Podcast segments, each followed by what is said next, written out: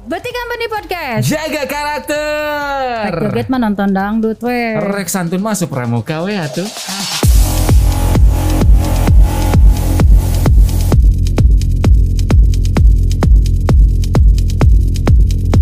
Sudah ada dua bintang tamu yang memang di Bandung teh udah nggak asing lagi. Salah Yes. satunya eh Bapak Tommy ya, Tommy Bapak Dr. Tommy Apriantono Apriantono. sebagai Ketua, Asprof PSSI Jawa Barat. Halo Pak. Wilujeng Halo. wengi Bapak. Wilujeng wengi selamat malam. Sehat Pak, sehat? Alhamdulillah. Alhamdulillah.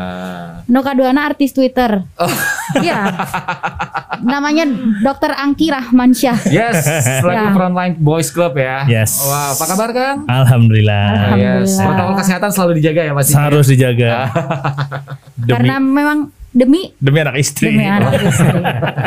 Lingkup yang kecil dulu Lingkup aja. yang kecil dulu aja. Oke. Karena memang ini si si virusnya nggak kelihatan ya, Hmm. Pak Tommy ya. Jadi Betul, memang ya. harus lebih kitanya lebih Hati-hati. hati-hati karena di sekeliling kita sekarang sudah mulai banyak yang terkena Pak Ijan. Bener banget. Ya setidaknya kita dari diri kita sendiri demi orang lain juga. Ya. Oke, kita bakal ngobrolin tentang apa teh hari ini teh? Bapak, kita mau bahas soal yang kemarin kenapa kita teh diundur. Nah, Hati Li- kita terombang-ambing. terombang-ambing galau gitu ya Ki ya. Dengan pengen- ya bener ya kan merasa digantung gitu ya. Digantung. Gak Sudah. enak digantung. Digantung nggak enak. Jadi gini, eh, kita tuh kan diberi angin segar bahwa liga akan mulai Oktober gitu ya. Tiba-tiba ada pengumuman empat hari sebelum kick, Kick off. kick off diundur selama satu bulan gitu. Menurut eh, bapak bapak sendiri itu menurut pandangannya Sudut gimana pak penundaan ini? sendiri. Sebetulnya eh, kita udah eh, pernah bicara ya Iya. beberapa waktu lalu tuh di webinar Ketua Asprof dan Ketua Umum PSSI membahas tentang kelanjutan liga. Kenapa Asprof? Karena Asprof dengan Liga 3-nya. Oke. Kalau kita mengadakan Liga 3 itu udah pasti harus naik ke Liga 2 Ya. dan Liga 2 Liga 1. Nah, waktu itu memang sudah diputuskan bahwa Liga 1 tidak ada degradasi. Oke. Hmm. Liga 2 naik 2 tapi tidak ada degradasi. Jadi promosi 2 degradasinya nggak ada. Jadi nambah klubnya ya, Pak? ya? Nambah. Oke. Kenapa? Jadi nanti ke depannya Liga 1 20, Liga 2 22. Nah, Liga 3 itu akan naik. Nah, waktu itu belum diputuskan antara 2 sampai 6. 6 itu seperti yang sekarang kan setiap Hmm. tahun itu 6. Nah, kapan pelaksanaan Liga 1 Liga 2 belum. Waktu itu belum diputuskan. Nah, PT LIB berjalan dengan waktu itu mempersiapkan. Jadi kebetulan saya sering berkomunikasi dengan eh, tim LIB-nya, PT LIB. Mereka itu sudah yakin tanggal 1 karena apa? Sudah mengkomunikasikan ke Polda Jogja, Polda Jawa Barat, Polda Jawa Timur yang saya tahu dan akan ke Jawa Barat. Karena apa? Paling banyak home-nya itu di Jawa Tengah. Oke. Itu eh, terutama Jogja ya. Jogja. Jogja dan Jawa Tengah itu Magelang dan Solo. Hmm. Nah, sementara Liga 2 sudah diputuskan di empat kota. Di Medan, Riau, Lampung, dan Cilacap. Dan mereka sudah mensimulasikan bagaimana penanganan ketika ada eh, yang terpapar COVID. Bahkan mereka sudah menganggarkan kurang lebih 5 miliar untuk swab test. Jadi semua Wow. swab test eh, official pemain itu semua ditanggung oleh LIB. Jadi sudah dipersiapkan dengan baik Sudah sebenarnya ya, Pak ya? Terus LIB juga sudah mempersiapkan bus. Hmm. Jadi semua tidak boleh menggunakan pesawat terbang kecuali yang dari luar Jawa datang ke Jogja kan. Oke. Itu pakai pesawat setelah itu pergerakan menggunakan bus. Dan disediakan oleh PT LIB. Semua sudah disediakan. Semua sudah di Nah, memang kekhawatiran kepolisian juga bisa dimaklumi karena apa tiba-tiba Covid kan naik terus Naik kan. lagi, naik Satu. lagi ya. Kedua khawatir dengan supporter. Oke, oke. karena beberapa dikatakan oknum supporter itu sudah datang di Jogja. Oh, sudah berdatangan. Ada itu yang Oh. bukan dari Jogja. Makanya supporter Jogja itu kan bikin eh, saya punya nanti saya kirim bagaimana melarang yang dari luar datang ke Jogja.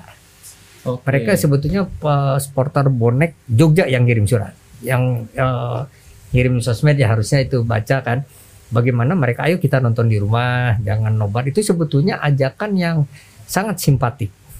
Nah, seandainya supporter seperti itu mungkin kemungkinan kepolisian juga bisa berpikir memberi izin. Tapi selama ini kan yang dikhawatirkan karena apa? Karena beberapa kegiatan kan sekarang ada tuh penonton yang Iya. terakhir yang di Salawu kan Iya, iya, iya. Persib Legend akhirnya dibubarkan. Nah, itu yang dikhawatirkan.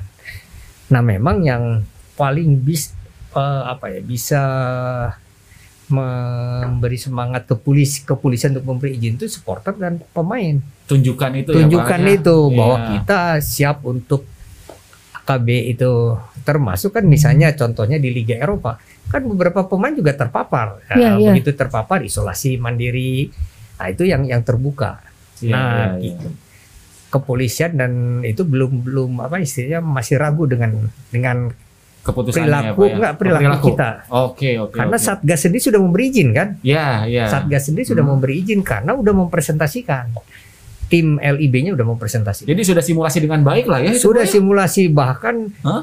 eh, se- saya dapat informasi juga bahwa dokter tim itu menjadi kepanjangan tangan dari dokter LIB. Eh, tadi eh, kata Bapak eh, di Liga 1 ini di 2020 tanpa degradasi. Tanpa gitu. degradasi. De- de- jadi ini menghilangkan esensi kompetisinya, Pak. Kondisi ini sebetulnya tidak hanya di Indonesia. Oke. Jepang dan Eropa tuh ada satu negara yang juga tanpa degradasi. Kalau Prancis ketika diberhentikan ranking pertama jadi juara. Itu langsung. Langsung diputuskan Oke. Paris Saint-Germain. Ya. Di Belanda diberhentikan, tidak ada juara. Tidak ada juara. Tidak ada degradasi, tidak ada promosi. Yang protes yang Liga 2-nya. Hmm. Dia udah menghabiskan banyak dana berharap naik ke Liga 1 utamanya ternyata nggak ada, nggak jadi. Oke. Itu di Belanda. Akhirnya mereka eh, mengadu ke CAS Habitase. Karena diberhentikan tapi diputuskan karena ini sekarang di luar ke kenormalan. Pak kalau misalkan tidak ada degradasi sem- seperti ini, apakah tidak akan rentang dengan match fixing gitu, pembelian pertandingan? Yes. Nah, sebetulnya match fixing juga kan sekarang PT LIB udah mengantisipasi dengan melibatkan Satgas Anti Mafia. Oke. Itu jadi setiap wasit sudah diminta nomor handphonenya dan lain sebagainya untuk eh, Menjaga. menjaga. Hotelnya sudah disediakan oleh LIB, Hmm. jadi tuan rumah tidak akan berhubungan Ya, jadi dengan wasit juga nggak boleh. pertandingan. Wasit Iya. nggak boleh selingkuh juga ya. Iya. Ketahuan ya, Pak ya. Nggak ketahuan. Iya kan Iya. ya, yang kita. Iya, ya kan? Iya, yang kita takutkan kan ada salah satu tim Yes. yang berambisi juara Iya, Di- iya. di- dengan kondisi seperti Iya. ini menjadikan kan eh, kesempatan dalam kesempitan lah Iya, kasarnya ya. banget, Jadi ya, itu yang ditakutkan. Tapi sudah diantisipasi dengan Sudah baik sudah ya, Pak ya? diantisipasi. Seperti itu. Oke. Nah, ini untuk Kang Angki nih.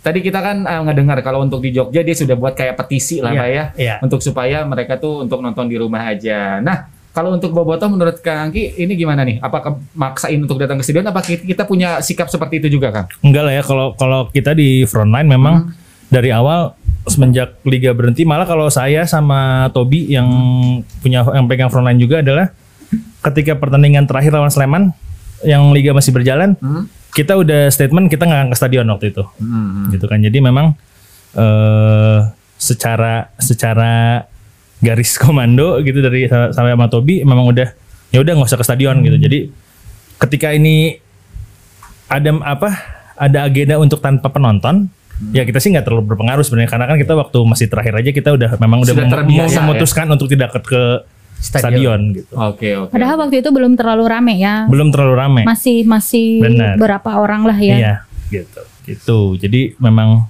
saya nggak tahu kalau yang lainnya cuma kalau kita sih memang sebisa mungkin menyadarkan semua teman-teman di frontline yang memang udah udah nggak usah ke stadion deh gitu. Oke. Oke, jadi pas waktu pertandingan terakhir yang 15 Maret itu emang udah nggak Iya. udah ke udah nggak stadion. stadion. Teman-teman frontline. Ah, ada tapi secara resmi kita nggak nggak tidak menganjurkan Iya. Oke. gitu.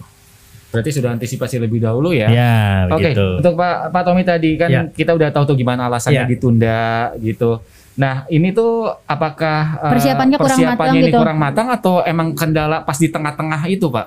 Menurut Bapak. Kalau terakhir saya mengikuti Hmm? itu memang di tengah-tengah. Jadi Kan- itu tuh sudah mau kan sebenarnya. sebetulnya kan Satgas sudah memberi izin. Oke. Nah, kan Ah. Satgas sudah memberi Hmm. izin, mereka udah audiensi ke Polda-Polda. Hmm. Memang setelah saat terakhir ya pihak kepolisian juga mengantisipasi kan ketika ada beberapa sporter yang yang memaksakan datang, itu datang dari luar kota. Yang datang di di Jogja, informasi itu mulai berkembang, itu seminggu sebelum itu udah mulai berkembang. Oh, Oh, jadi, jadi- kita tarik benang merahnya itu karena ada supporter yang datang ke Jogja, maka Salah satunya. Salah satu Salah satunya. alasannya ya. jadi kalau kata Sunda mah pundung gitu polisi Ya, teh karena nah- takut gitu ya. mencegah ya Mencegah, karena mencegah. pada saat yang sama pe- apa, pandemi covid juga pas itu banyak yang terpapar banyak kan. lagi Iya. naik, lagi naik. jadi Pak. jadi khawatir juga itu penonton nggak bisa diantisipasi Supporter teh Ki, ya kita lihat dari sisi supporternya kadang susah diatur ya. Tapi apa memang kadang-kadang memang banyak supporter yang sangat susah diatur itu banyak pisan Banyak, katanya. Cuma eh, saya sih agak kurang kurang kurang serk ya ketika ngomong dikit-dikit salah supporter, dikit-dikit Ya. salah supporter Ya, gitu. ya, itu ya. yang yang supporter selalu jadi kambing hitam gitu itu yang sebenarnya eh, kan nggak semua kayak gitu gitu. Jadi saya eh, apa ketika supporter dijadiin alasan untuk tidak keluar izin pertandingan eh, buat saya itu salah satu hal yang paling tidak mengenakan lah dari pihak kepolisian. Oke, oke. oke. Dari eh, Angki sendiri eh, membantah itu misalkan eh, Pak tuh kumaha gitu.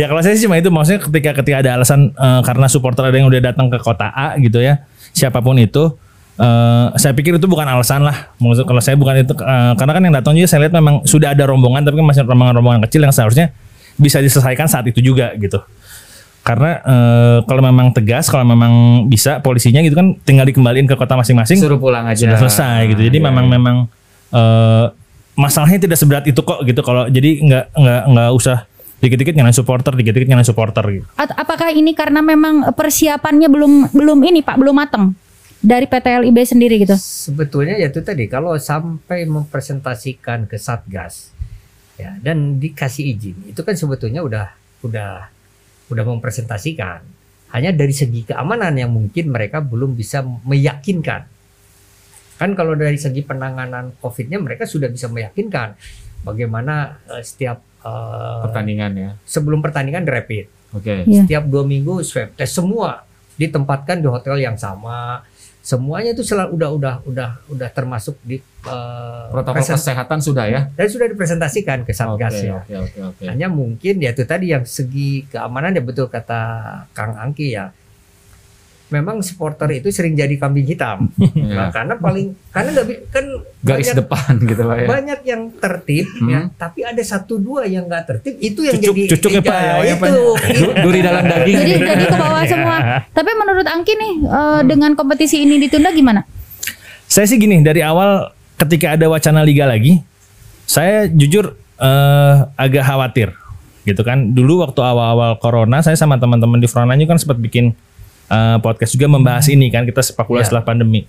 Eh, di situ kita bahas. Saya sih akan sangat membahas masalah sumber daya manusianya nih gitu, sumber daya manusia eh, di PT Liga, di segala di- pemain, supporter gitu kan apakah sudah siap dengan kondisi yang baru? ya dengan kondisi yang baru nih gitu kan yang akan banyak perubahan-perubahan kebiasaan baru itu itu yang sangat saya tekankan terus ada eh, narsum yang lain dia dosen kesehatan lah di ITB saya lupa dia basis kesehatannya tinggi banget gitu kan tapi alhamdulillah sesuai tadi kata bapak kan ada pemeriksaan berkala Iya, gitu iya. sudah dilakukan dan itu alhamdulillah dilakukan gitu kan jadi Iya.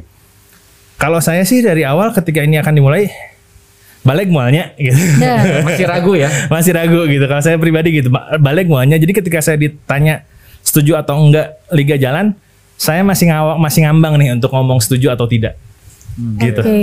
Jadi Angki mah masih galau. Tapi Pak kan Pak eh, Pak Iwan Bule itu kan sebagai purna, purnawirawan gitu ya, Iya, tertinggi apa, eh, perwira ya Yes, yes, ah. Masa sih katanya kan Pak Sudah Iwan juga sudah juga iya dari, Pak Jokowi, gitu. katanya. Masa sih nggak bisa ngusahain gitu?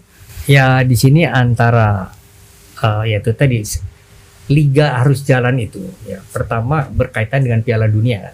Kalau Piala Dunia 21 kan mungkin khawatir kalau liga nggak jalan FIFA bisa memutuskan lain satu. Kedua dan yang juga tidak kalah penting sepak bola itu udah sudah bukan hanya olahraga tapi di sini adalah industri pekerjaan. Jadi kalau pekerjaan yang lain bisa dibuka kalau sepak bola dilarang, berapa ratus pemain sepak bola yang tidak punya pekerjaan? Nah, itu yang juga harusnya jadi pemikiran. Ya, kalau memang akan dilaksanakan, harus disiapkan protokol-protokolnya bagaimana sistem itu bisa berjalan dengan baik dan tidak menjadi klaster penyebaran COVID. Iya. Jadi antara kesehatan dan pekerjaan ini hal yang juga harus betul harus berdampingan. Se- Sekarang kalau kita akan eh, sembunyi terus dari COVID sampai kapan? Hmm. Ya kan sekarang rumah makan dibuka, tapi kan ada protokol. Iya. Hanya boleh masuk setengah Iya. atau take away gitu kan. Nah, ini juga yang harus mulai difikirkan. Misalnya beberapa negara Eropa sekarang udah memulai kompetisi yang 2020 2020 2021 ya. Ya. Karena kemarin sudah diselesaikan. Nah, itu kan bisa belajar dari mereka juga bagaimana penanganannya. Memang betul kata Kang sejauh mana LIB stafnya itu profesional seperti yang di luar negeri. Nah, itu yang harusnya mereka menyampaikan ke ke publik bahwa kita sudah mempersiapkan ini, ini langkah-langkahnya. Itu yang harusnya disampaikan ke publik. Ya banyak contoh juga yang di luar negeri kayak misalnya kemarin Ibrahimovic dia terkena gitu kan Hmm. dan itu dilempar aja ke Betul, publik gitu karena penanganan kesehatannya baik dia Iya. dirumahkan dan udah sembuh gitu Hmm. seperti itu jadi kita tidak usah terlalu takut sebenarnya Iya. pak ya asal asal benar berjalan protokol Betul. kesehatannya seperti itu Pak untuk liga yang sekarang itu kan digulirkan itu memang murni untuk me- eh, untuk kompetisi Hmm. atau memang ada ini dari sponsor karena sponsor kan jelas sudah mengeluarkan uang tuh Pak Iya. untuk satu tahun kompetisi gitu. Iya. Apakah memang ini murni liga harus jalan gitu? Apakah memang ada desakan dari sponsor? Hmm. Pertama kan kalau sekarang jalan pemenangnya untuk tahun di Liga Asia ya. ya ya Nah, kan itu masuk satu. Kedua dan yang paling utama menurut saya itu Hmm. adalah pekerjaan. Hmm. Sekarang jika usaha Liga 1 Liga 2 yang begitu besarnya perge- eh, ekonominya di Liga 3. Sekarang mereka udah bertanya-tanya klub itu. Ini mau lanjut atau enggak? Karena kita sudah mengontrak pemain. Oke. Kalau Hmm. dibatalkan, kita putus kontraknya. Artinya kalau Liga 3 kan per bulan tuh dibayar. oh iya Ya Iya. udah mulai bulan depan kamu nggak nggak usah dibayar. Sekarang kalau di Jawa Barat Liga 3 seri 1 ada 21 tim Hmm. dan seri 2-nya ada 40, berarti ada 60 2 64 lah. Kali 20. Ada 1200 orang yang menganggur yang akhirnya menganggur. iya iya iya Belum di seluruh Indonesia, belum Liga 1 Liga 2. Padahal sepak bola adalah pekerjaan, profesi. Bukan lagi hobi, bukan sekedar hobi orang yang ini udah pekerjaan. Nah, kalau Menggantungkan hidup. kalau di, diberhentikan kan kemarin ketika 25% aja ribut kan. iya Iya kan 25% persen ribut. Sekarang sekarang udah nggak 25% lagi karena nggak ada misalnya batal. Udah berhenti semua. Dilanjutkan Maret berarti November, Desember, Januari, Februari, Maret, Maret. Februari 4 bulan nggak punya penghasilan. iya iya iya ternyata banyak sekali aspek-aspek yang harus Aspeknya. diperhatikan ya teh ya Iya, jadi yang jadi pertanyaan Teteh mah eh, kalau untuk liga ini ya, apakah memang untuk kepentingan liga yang nanti untuk Hmm? eh, U20 Ya, untuk tim timnas timnas U20 kita ya, manggung gitu ya. Pak. Itu gimana Pak? Itu salah satu. Jadi Oke. liga sekarang bisa digunakan beberapa pemain untuk ikut. Mm-mm. Itu kan baru kebijakan tambahan kan sebelumnya nggak ada. Iya. Tapi itu memang peluang supaya mereka terbiasa dengan kompetisi. Karena sekarang udah nggak zamannya lagi pelatnas jangka panjang. Misalnya sekarang nih U19 muter-muter. Sementara pemain Eropa ada di liga. Kan beberapa pemain di di liga Premier umurnya di bawah 20 yang nanti akan main iya di di Indonesia. mereka latihannya di liga Iya, Ansu Iya, Fati iya, iya, umurnya iya. 17 tahun, mau menjelang 18 tahun. Tahun depan akan main membawa Spanyol. Nah, kita terus saja pelatnas.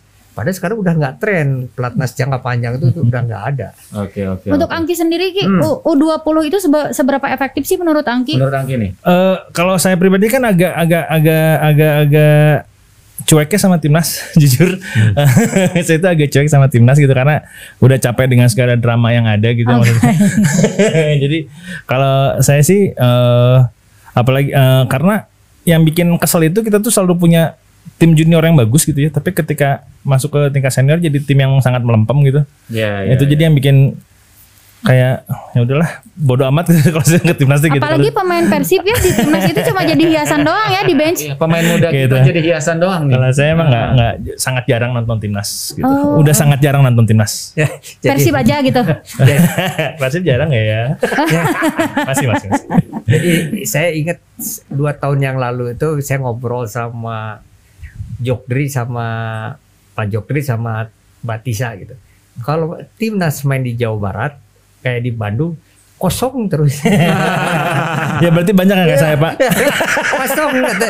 Jadi kalau waktu itu Febri ya masih main, ada Febri jadikan eh, itu oleh oleh timnas supaya penonton Jawa Barat, penonton Bandung datang kan. Tapi tetap aja Pak. tetap kosong. Ya tuh pada dulu mahnya Persib teh kebanggaannya main di timnas Betul, banyak hari iya. ayeuna Sekarang sakit sedikit. kituna gitu. Terus jadi hiasan di bench nggak main itu kan kebayangnya. Gitu. Oke. Nah, teli orang Sundanya. Aduh. nah, Pak Tommy, kira-kira nih idealnya lanjutan kompetisi ini idealnya menurut Pak Tommy kapan sih dilanjutkannya, Pak? Sekarang ini memang Hmm. ha- ada dua. Jadi Oke. kalau mau melanjutkan Hmm. kompetisi yang tahun ini itu memang tidak boleh lebih dari November. Tidak boleh Ya, lebih dari karena November. kalau Desember apalagi Januari terlambat itu kan sampai Maret. Ah, Oke. atau anggap selesai. Anggap selesai dimatangkan mulailah kompetisi 2021 dimulai dari Februari. Karena Februari, Maret, April kan terpotong puasa kan. Oh iya iya iya. Begitu Juni udah Piala Dunia. Udah fokusnya udah nggak ke liga lagi karena memang aturan FIFA ketika ada kejuaraan dunia nggak boleh ada liga di di, di, di negara tersebut Oke. harus libur. Jadi kita benar-benar harus ada satu keputusan yang benar-benar berani Betul, dong ya, Pak ya itu ya. Makanya kan Pak Iwan Bule sampaikan kalau sampai November eh, tidak diizinkan ya udah selesai. Kalau saya pribadi memang lebih setuju seperti itu sih sebetulnya. Kalau memang lebih baik kita fokus ke liga beri- tahun berikutnya gitu ya biar biar ya itu tadi yang saya bilang saya selalu ngomong eh, persiapan SDM-nya nih gitu Ya. dengan segala macamnya itu jadi kalau saya sih memang lebih eh, apa namanya lebih lebih baik menurut saya pribadi adalah dimulai untuk di liga tahun berikutnya gitu Maret Kak. ya. Maret nanti atau ya. Februari ya mudah-mudahan sudah melandai kurva Iya iya. iya. Tapi ini Pak, menurut Bapak sendiri, misalkan sampai jadi liga di bulan November gitu, apakah layak Jogja itu menjadi home base gitu Banyak untuk Liga banget 1? ya, ya, di sana ya. Heeh, Kalau Belum Jogja sana. itu menurut saya layak. layak. Dari stadionnya mereka punya stadion yang bagus-bagus dan di tempat eh, dekat militer, TNI AU semua gitu kan. Oke. Satu. Jadi bisa barriernya di. Kedua, artinya Jogja itu mereka sudah terbiasa dengan pariwisata. Jadi hotel-hotel dan lain sebagainya itu udah welcome dan mereka sudah bilang akan me- menerima. Bahkan eh, gubernurnya pun bilang kita akan siap untuk eh, liga dan lain sebagainya. Mereka udah siap. Dari SDM-nya sebetulnya saya yakin teman-teman di LIB sudah siap. Oke. Karena ketika eh, kita diskusi mereka bilang kita mereka punya tim dokter yang langsung diketuai oleh dokternya PSSI dan kepanjangan tangannya adalah dokter tim. Jadi ada komunikasi terus, Intens ya, Pak ya. intens. Oke. Jadi setiap tim dokter tim itu bagian dari LIB. Oke. Cuman memang yang masih dikhawatirkan belum landai. Itu jadi ketika semua udah ketat, tiba-tiba ada teman media, walaupun mereka udah siapa pun yang masuk harus swab, tapi Hmm. gratis. Jadi media akan diberi swab. Oh, itu Akan semua di-swab. free, semua free ya. Free. Makanya mereka menganggarkan besar untuk itu. Jadi tidak sembarangan orang masuk. Termasuk anggota LIB-nya pun tidak boleh berkomunikasi dengan banyak orang di luar tim dan di hotelnya. Wartawan yang akan meliput hanya dibatasi dan itu pun di swab. Kalau nggak mau swab nggak boleh masuk. Oke. Dan itu harus lihat kalau non reaktif baru boleh masuk. Mereka udah mempersiapkan tapi memang kita bisa mengerti kalau polisi, kepolisian dan kesehatan agak ragu karena memang belum landai. Oke, Oke. oke. Tapi kenapa Pak Hmm. nggak disebar ke Jawa Barat gitu kan di, di, di Bandung sendiri di Jawa Barat ada GBLA, ada Pakansari, ada Bawamukti. Mukti ya. Sementara kan Covid di sini melandai gitu ya, Ya. nggak terlalu tinggi dari kota lain gitu. Di bawah Mukti semua tinggi, merah. Oh merah. Oh, merah. Pakansari merah kan eh, lima daerah Jawa Barat yang merah. Hmm. Itu Kabupaten Bogor dengan Pakansari, Hmm. Kota Bogor, Kabupaten Bekasi di bawah Belum Mukti, bukti. Oke. Kota Bekasi Patriot. Satu lagi Depok. Itu yang yang kenapa Jawa Zona Barat- merah ya.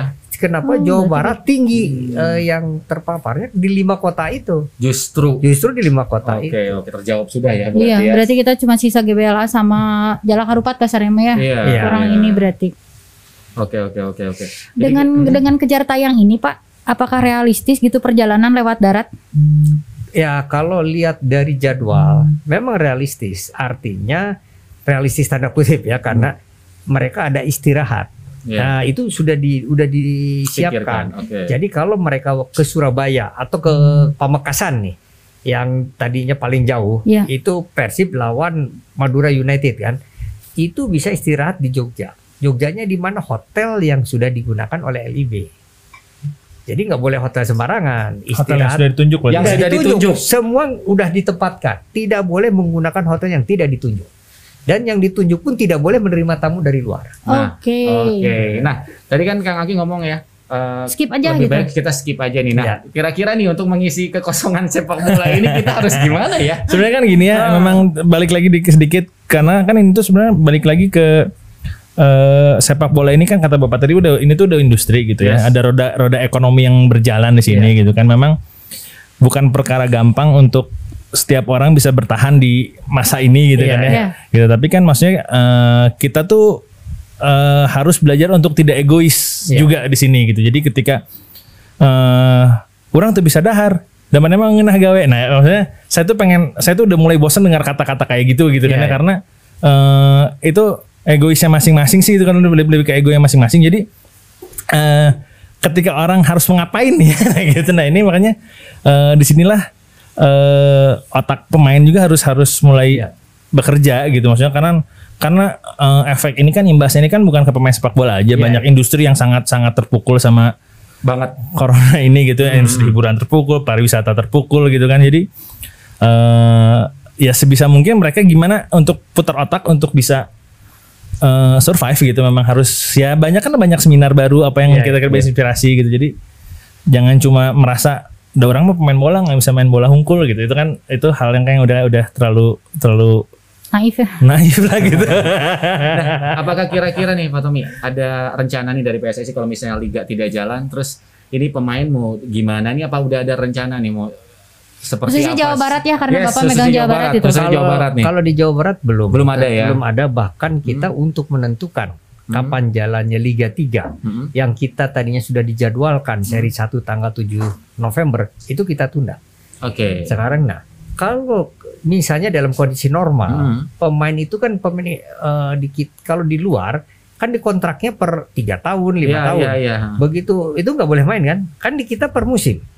Begitu selesai liga kan banyak tarkam kan? Iya. Yang main di tarkam. Iya. Nah sekarang kalau liga nggak ada kan nggak boleh main di tarkam juga. Iya, nggak ada. Udah nggak? Kar- Karena pasti nggak dikasih izin sekarang. Iya, iya, iya. Nah ini yang juga jadi joke Kang Angki memang sudah saatnya kan ketika UMKM dibantu. Nah ini kayaknya pemain sepak bola harus mulai dibantu. ya, ya. janganlah janganlah kontraknya besar besar lah Suka julid Bapak. Bapak kalau misalkan ini sampai ditunda, apakah berpengaruh terhadap persiapan PON Jawa Barat? Kalau pun nggak, sekarang kita jalan. Jadi si pemainnya rajin di rapid, terus kita suhu eh, suhunya di Dicek. dicek dan memang walaupun ya, walaupun seminggu tiga kali kita jalan, Jadi- kita kon- selalu kontrol. Jadi suhu kalau yang eh, kondisi nggak sehat lapor, karena kita nggak memaksakan juga. Karena apa? Kita masih punya jangka waktu yang lama kan. Oktober ya? Iya, Oktober, atau Oktober. September 2021 ya, Pak? 21 masih Santai, lama. santai. iya. Jadi kita nggak terlalu memaksakan pemain kalau memang anda nggak fit ya udah nggak usah datang. tapi tetap latihan untuk menjaga kondisi tetap, tetap, ya, latihan, Pak ya. tetap latihan. Oke, oke. Berarti- Karena kebetulan Jawa Barat tiga-tiganya lolos kan, Iya, iya, sepak iya. bola putra putri dan futsal Hmm. itu lolos tiga Oke, tadi kita ngobrolin tentang Tarkam, Tarkam. ya. Ini Nah, sudah nah. jadi apa pemandangan yang biasa. nah, menurut Kang Anggi sendiri dari sudut pandang supporter, ningali pemain Persib main Tarkam kumaha Kang? saya mah nggak setuju dari dulu juga Nah. nggak suka nggak suka nggak suka pisan gitu apa namanya ketika punten ya ketika ada distrik-distrik lain untuk mengundang pemain pun saya mah agak kurang serak sebetulnya gitu ya Kenapa? Hah? Kenapa? Ya. Ah, eksklusifnya berkurang gitu.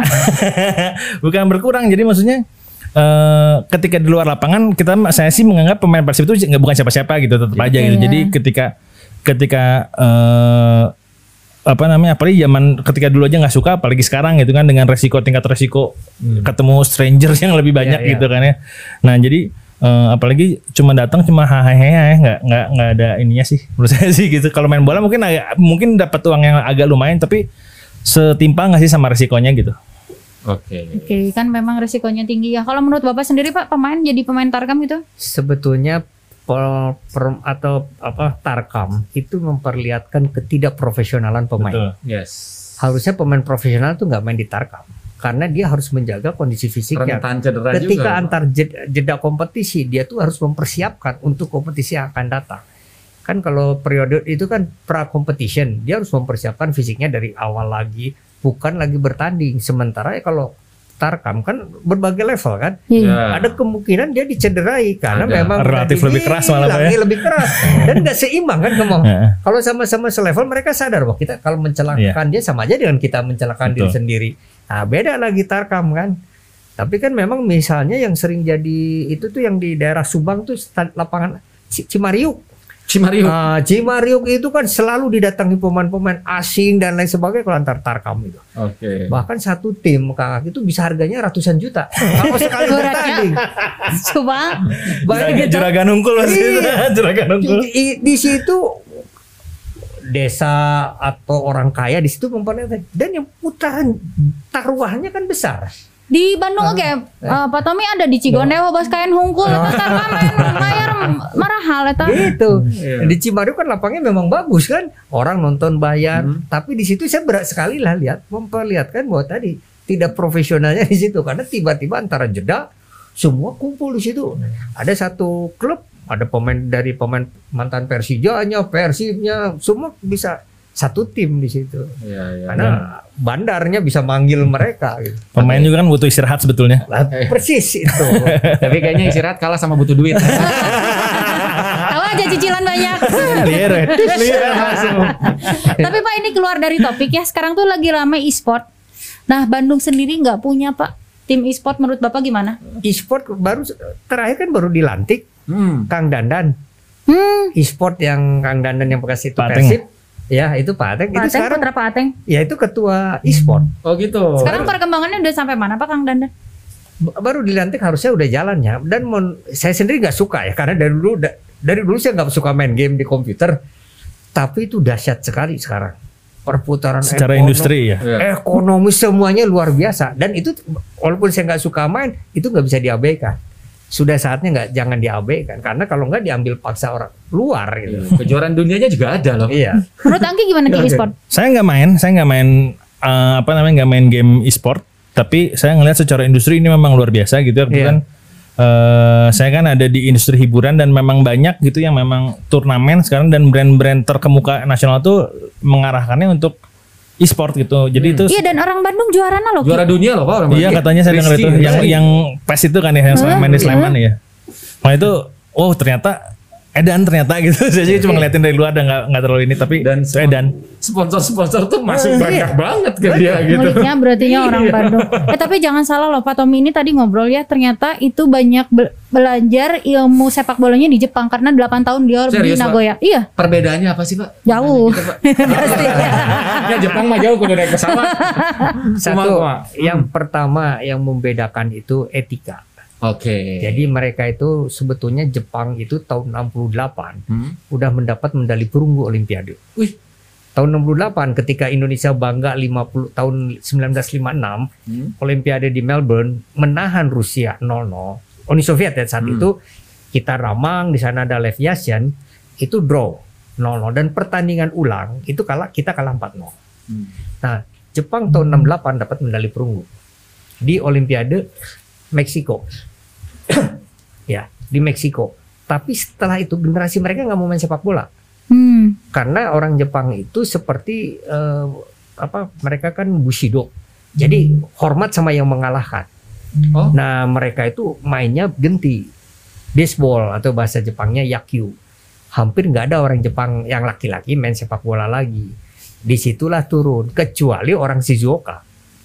Kalau Shizuoka Prefecture, yang terutama I- Iwata itu Jubilo Iwata Jubilo asalnya. Iwata ya. ya. Kalau anak laki nggak main sepak bola, mereka bilang "Oh, kamu pindah ke provinsi yang lain. Wow. Karena tempat ini adalah tempat sepak bola. Oh, aduh. Nah, Iwata itu.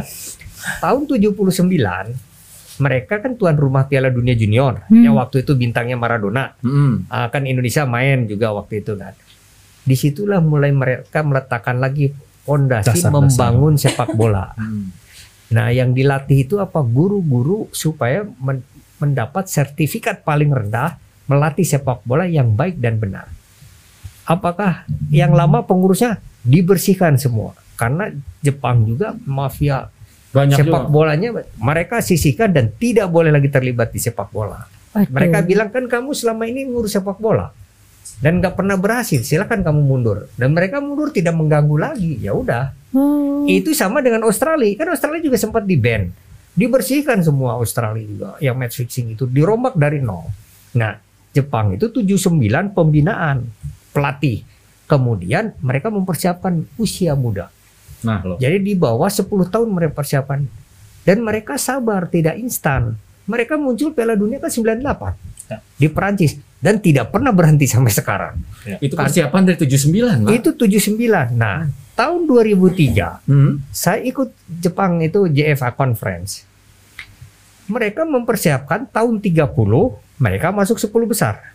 Oke. Itu 2003 Peringkat FIFA. peringkat FIFA. Itu 2003. Jadi 2030 27 tahun mereka. 10 besar. Iya. Dan 2050 semifinalis. Saya kan kebetulan teman saya ada yang kerja di situ. Kamu ngapain 47 tahun saya bilang untuk menyiapkan sementara yang diurus 10 tahun ke bawah. Eh Tommy Sang, kita mempersiapkan anaknya mereka, bukan mereka yang kita harapkan. Oke. Kalau mereka sekarang satu juta orang main sepak bola, punya anak dua orang, diharapkan tahun 50 tuh kita ada dua kali lipat yang main sepak bola. Hmm. Jadi environmentnya tuh dibikin nyaman. Jadi kalau anak kecil nonton sepak bola, di, dilindungi supaya di mindsetnya, oh sepak bola tuh menyenangkan. Oh pemain sepak bola tuh, jadi mereka harus pakai jas. Jadi oh pemain sepak bola tuh Keren. kaya, keren, cakep. Jadi semua pemain sepak bola. Oke. Pada saat yang sama, Kapten Subasa dikeluarkan. Bagian dari Oh, kam- itu campaign. Itu bagian dari Oh, promosi. Oh, ternyata itu kampanye itu itu Oh. itu bersamaan dikeluarkan. Nah sekarang kalau Persib mau main juga Kang Angki dengan itu front line-nya di medsosnya. Ini ini dulunya Eh, kiper Persib Pak Junior. Tapi lomba main AWW jadi kiper. jadi paralel nggak bisa hanya sepak bola aja kalau nggak dibikin yang menarik yang lain. Berarti Oke, kalau- Ki, berarti bedanya apa Ki? menarik. Sepak bola Jepang sama Indonesia. Angki sebagai pemain Persib Junior tahu Oh, mah. tuh, tuh, udah seberapa itu, Bang. Sampai ngobrol tuh biar tahu. enggak, enggak maksudnya eh kan saya sempat juga baca masalah eh, pembinaan di Jepang ya. Iya. Eh, yang tadi Bapak belum cerita, saya pengen konfirmasi adalah ketika liga liga pelajar dan universitas itu sangat bergengsi ternyata di sana Pak ya. Betul. Dan itu bisa bisa apa namanya? bisa bisa masuk ke tim profesional melalui tim kampus atau tim sekolah itu kan Pak ya. Nah, itu Betul. yang di sini kan agak belum ya kayaknya gitu-gitu. Maksudnya harus tahapnya tuh SSB dulu Iya. segala macam terus masuk SSB sebelum seleksi ada drama dulu ah Iya. dia ya seleksi seleksi itu tuh kan pusing pak jadi, jadi memang gini Kang di sana itu anak kelas 3 SD wajib ikut ekstrakurikuler. oke Kelas 3 itu wajib. Jadi mereka pulangnya sampai sore. Jadi Di sekolah Shizuoka. di seluruh Jepang. Oh, seluruh Jepang. sekolah dari jam 8 sampai jam 3. Setelah jam 3 tank, mereka ganti seragam, ikut ekstrakurikuler. Salah satunya di beberapa sekolah itu sepak bola. Nah, mereka berlatih dari Senin sampai Jumat. Setiap hari Sabtu kompetisi. Jadi setiap Sabtu antar SD, SMP, SMA kompetisi. grassroots ya Termasuk universitas. Karena sampai tahun 2000 Kang Aki, nggak boleh pemain nasional tanpa masuk universitas. hmm. Karena Jepang berpikir kalau se- sepak bolanya gagal, dia bagaimana kehidupannya? Oh my god, sampai Tuh. segitunya Ah. ya. Canggih canggih bisa kan kalau pemain sepak bola gagal Hah? hidupnya, yang lain pasti nggak mau ngikutin kan? Iya. Iya. Wah ngapain saya jadi pemain sepak bola Jadi itu bukan jadi pemain- role model yang baik lah Iya, role model itu yang Ah. dimunculkan. Jadi setiap hari Sabtu kalau kita naik subway, kita naik bus akan banyak ketemu anak yang bawa sepatu bola dan bola, bola basket, bola voli, baseball karena Sabtu itu hari kompetisi. Hari turnamen. Bayangkan empat bulan kompetisi full mereka. terus orang tuanya ambisius pak kayak di sini pak Jadi ibu-ibunya yang ribut. Ini ini anak-anak cadangan pro- protes ini ini terjadi. Jadi kalau karena kebetulan saya memang bidang saya sepak bola, ketika saya di institut olahraga kan sekolah waktu S2-nya, itu saya lihat yang namanya orang tua itu jauh dari lapangan. Dia ngantarkan pakai mobil yang ngumpul, hanya lihat dari jauh.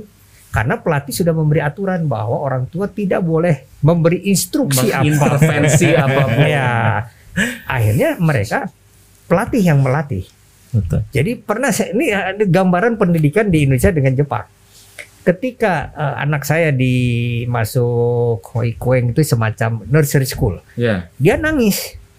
Itu setiap hari. Istri saya nungguin kan. Sampai akhirnya gu- gurunya bilang, "Eh, "Ibu kalau kalau bahasa Indonesia, ibu tinggalkan anak ini atau bawa pulang." Oke. Hanya dua pilihan. Kalau ibu percaya sekolah, tinggalkan. Kalau ibu nggak percaya sekolah, bawa pulang. selesai dari sekolah ini nggak ada pilihan nah juga sama dengan se- sepak bola sekarang kalau di SD di kita kan ditungguin oleh orang tuanya Iya. jadi anak tidak pernah mandiri Ya. nah sama juga sepak bola kan saya punya SSB Mandala Ganesa Iya. ITB kan kebetulan saya yang pertama menyelenggarakan Piala Wiranto tahun 96 Saya ketika pernah main Pak. Ah. Wiranto. Tah, Mama Angki kuma Tunggu Pak, Mama Angki kuma pas Angki lagi main. Saya dulu kalau lagi main bola nggak mau ditonton sama orang tua. Oh. itu kan Piala Wiranto. Nah kemarin 2000 mulai 11 12 itu saya bilang sistemnya nggak boleh ada pelatih. Jadi pelatih hanya menentukan 8 pemain Line up ya. main, Hah? mereka nonton jauh. Jangan ada teriakan-teriakan supaya apa? Supaya Nyaman. anak berimprovisasi. Kan anak di kita baru megang bola orang tua bilang kasih ke si A, kasih ke si B. Dia nggak berani mendribble. Iya, iya. Padahal anak 8 sampai 12 itu harus memunculkan individunya, skill individu. Ini nggak selalu orang tua menteror dengan. Nah ini yang sehingga anaknya nggak berani untuk berimprovisasi. Oke, tapi kita balik lagi ke topik ya. Menurut Bapak dan Angki Seru ini sendiri. Mau dilanjut udah ini. Eh, menurut Bapak dan Angki sendiri, apakah kompetisi 2020 ini harus harus dilanjut atau berhenti?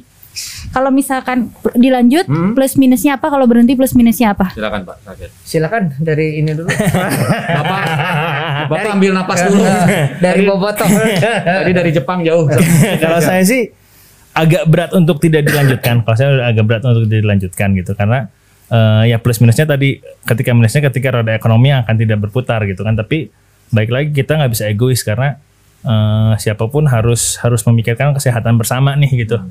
Kalau saya sih itu sih jadi eh, lebih berat ya lebih berat nggak setuju 100% tapi lebih berat untuk dihentikan. Maksudnya nggak ada dulu. Lebih condong ke untuk Iya. diberhentikan. Oke Pak, ini mah pe- personal aja Pak. Iya iya iya nggak apa-apa. kan demokrasi. Yes, benar. Ngobrolnya Pak. Iya. Kalau untuk Bapak sendiri yang masalah sebagai Bapak sebagai personal aja Pak ini Pak. Jadi kalau memang akan dilanjutkan, Hmm. yaitu tadi November. Oke. Paling Batas batasnya. Batasnya. Oke. Ya. Kedua, yang harus dipresentasikan ke masyarakat itu adalah bagaimana menghandle kalau liga jalan. Oke. Karena apa? Ini putaran industri, putaran pekerjaan. Artinya kalau memang harus jalan seperti apa? Tapi kalau memang sekarang pandeminya masih terus tinggi dan tidak bisa meyakinkan, ya saya setuju itu ditunda. Kita mulai Maret, Maret. atau Februari, terutama setelah apa? Vaksin ada. Ya. Setelah vaksin ada, itu yang paling aman. Dan vaksin teh yang pertama disuntik itu ke guru, Gra. Tahun vaksin nagaga guru marah tatu Indonesia. Oh, nu ngajar teh. Guru ngajar. Oh, nu ngajar. Geus salah guru-guru mah. Ah, justru harusnya kalau vaksin diberikan ke guru itu memperlihatkan bahwa pemerintah mengapresiasi guru. Nah, Karena apa ini kejadian ketika Jepang dibom oleh Amerika dan Yes. Taluk. Pertanyaan Kaisar Jepang berapa orang guru yang masih hidup? Oke. Karena kuncinya bangsa itu ada di guru. Oke. Itu aja. Oke, jadi perlu kita simpulkan nih, Hmm. perbedaan Jepang dan kita tuh mereka lebih out of the box mikirnya. Iya kan, lebih keluar dari zona nyaman juga ya, gitu. tapi kita lebih simpulkan lagi gini Pak Ijan. Sebenarnya ini balik lagi ke kitanya ke orang-orang yang terlibat dalam sepak bola ini. Ya. Salah satu hal yang terkecil tapi susahnya itu ke supporter, ya Pak ya.